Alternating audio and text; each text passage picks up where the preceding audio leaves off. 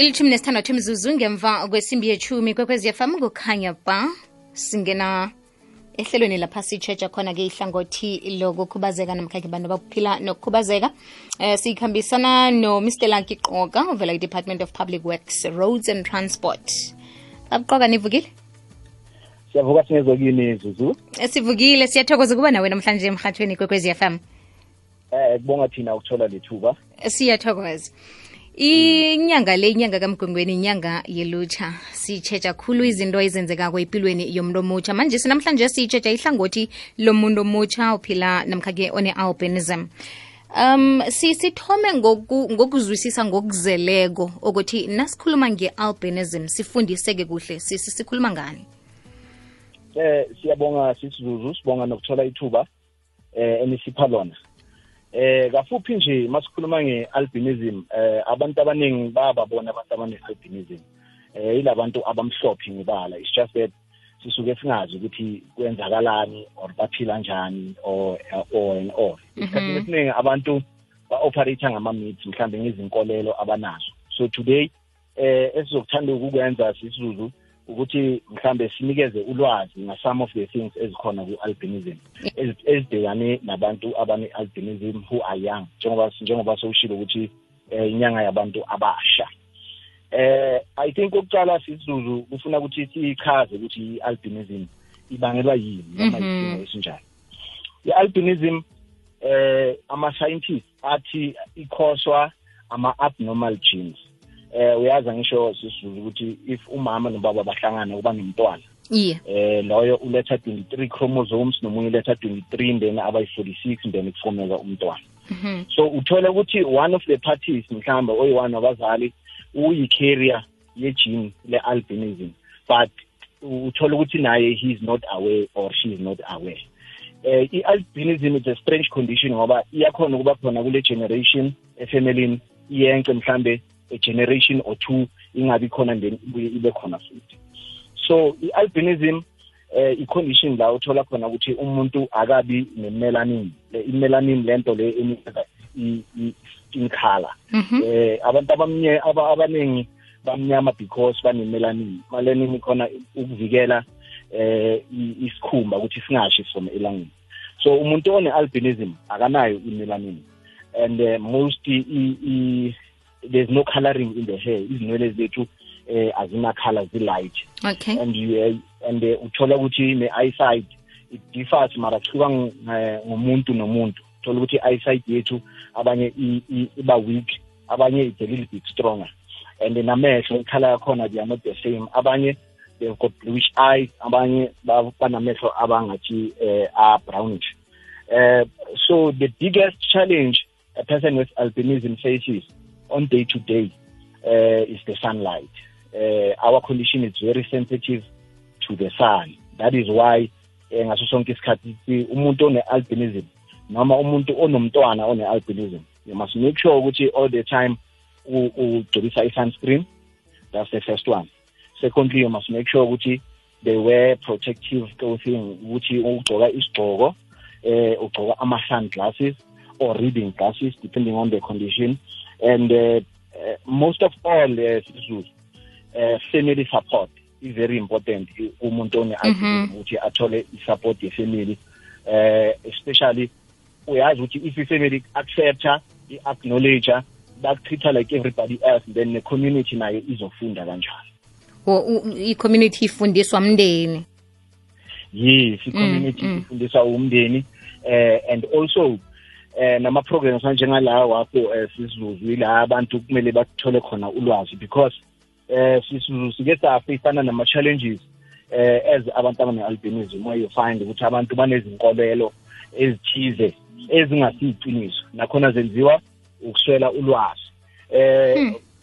there, there was a myth yokuthi abantu abane-albinism eh bayanyamalala they don't die. Abashoni Yes. bamane bayanyamalala. That's not true. Mase senza i-research uthola ukuthi kudala abantu abane-albinism eh bebaba bebafila eh separated. Umuntu angas- a- afila ngathi akabelongi Mm. emndenini mhlambe aka-treatwa right then adecide ukuthi i can't face this situation rather ngihambe ngiye somewhere. Eh ahambe ayohlala somewhere angasaziyo ekhaya. Then bese bathi umuntu unyamalele it's not like that.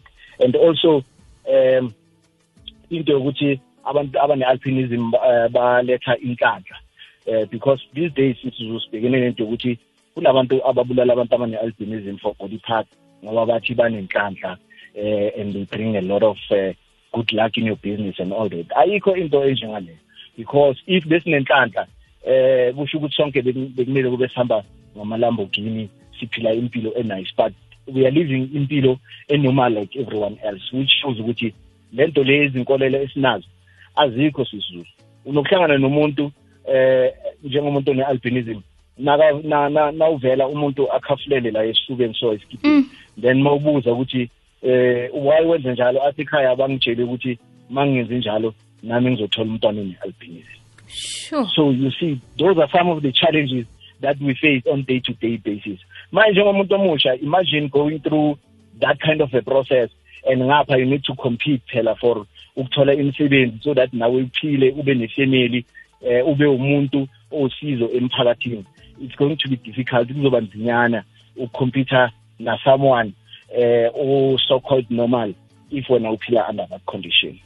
Bese nangabe ngine albinism um njengoba nasele uziveza zonke izinto ezenzekako emphakathini obviously kufika lapha kufanele ngibe khona nomlingani.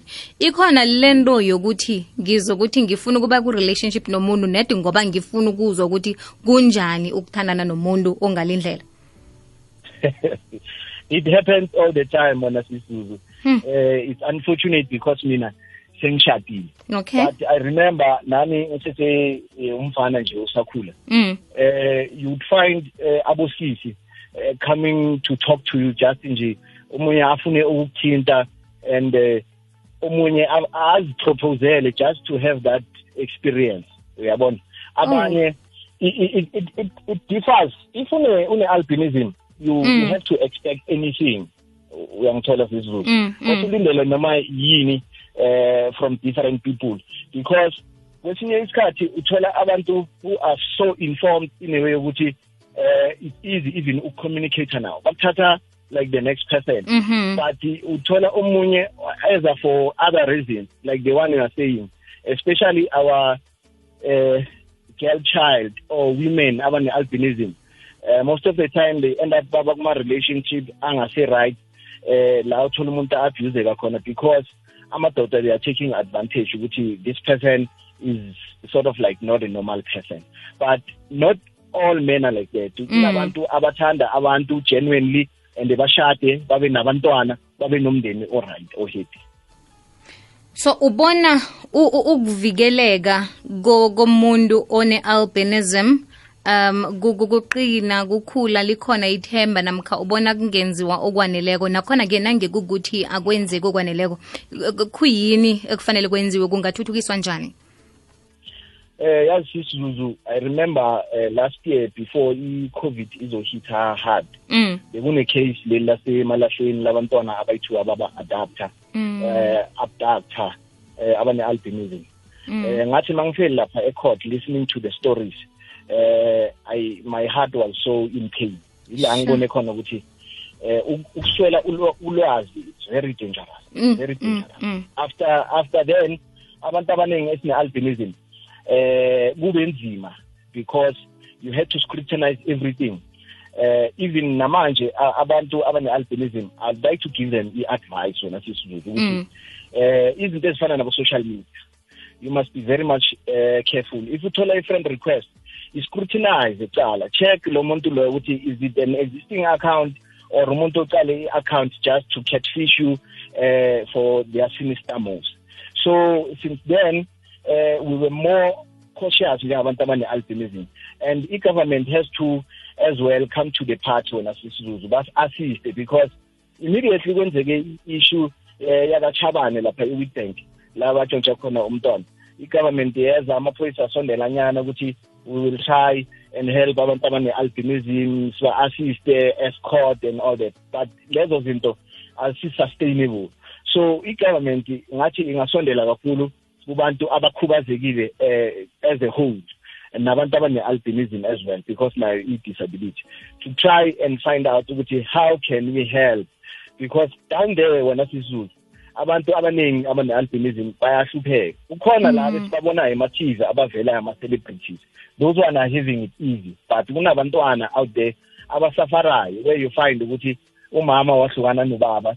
Nearly because umama uthole umntwana one-albinism and ubaba uthi umntwana akusiwami Hmm, akatholi isekelo emndenini wonke nange kubhala ubaba omntwana abanye emndenini na ba- ba- bazokulandela isibonelo Once sakabanye Zuzu, eh, eh, someone like me Mm. i was fortunate because eh, ngazalwa ekhaya eh, ubaba mazange abe nalo na that mentality Okay. even though i'm the only one in albinism and efamilini we don't know anyone else unayo uyabo Mm. so esikhathini esiningi uthola ukuthi a mother gives birth to a child umntwana uthola ukuthi une-albinism Mm. then uqale umndeni kababa ukhomente ukuthi lo muntu lo ulele nomunye umuntu kwenzakalani umntwana akusiwo wakho and all that that is why uthola most of the time abazali abomama abanabantwana abane-albinism they are living under pressure because umntwana uyazi kahle ukuthi owami nalo baba Mm. but ubaba is in denial and umndeni u-ede kakhulu even the pressure bayifake le ndoda ukuthi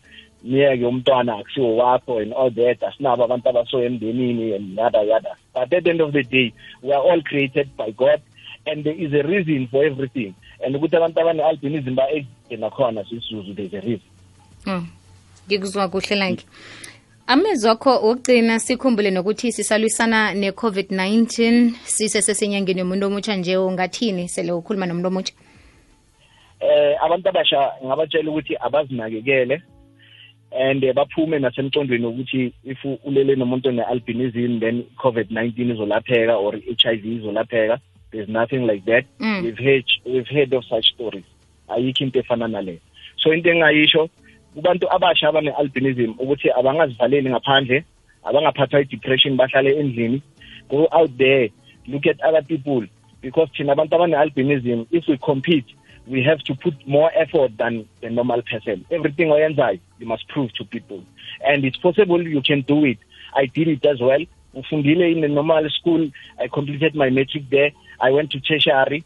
Ngiyasebenza ngishadile ngiyadriver because there was a ukuthi people with albinism. Will never get licenses. If amehlo wakho are-right Mm. go out there and book uthole ilicense lakho udrive and live your life silise ukuqala isikhumba sikhumbule ukuthi sibabantu sonke siyafana. Lisa ukuqala isikhumba because loyo muntu ngelinye ilanga kuzoba nguye okusizayo out there. Mm. laba wena othi banesikhumba esifana nesakho engeke bakhona ukukusiza khona. Ngikuzwe kuhle lanki. Sithokoza kakhulu. Ngilwazi osabelelwana nangesikhathi sakho ngitsho. Sisizuzu ngibonga ithuba ningalahli nakusasa. Siza kwenza njalo. Siyathokoza. Thank you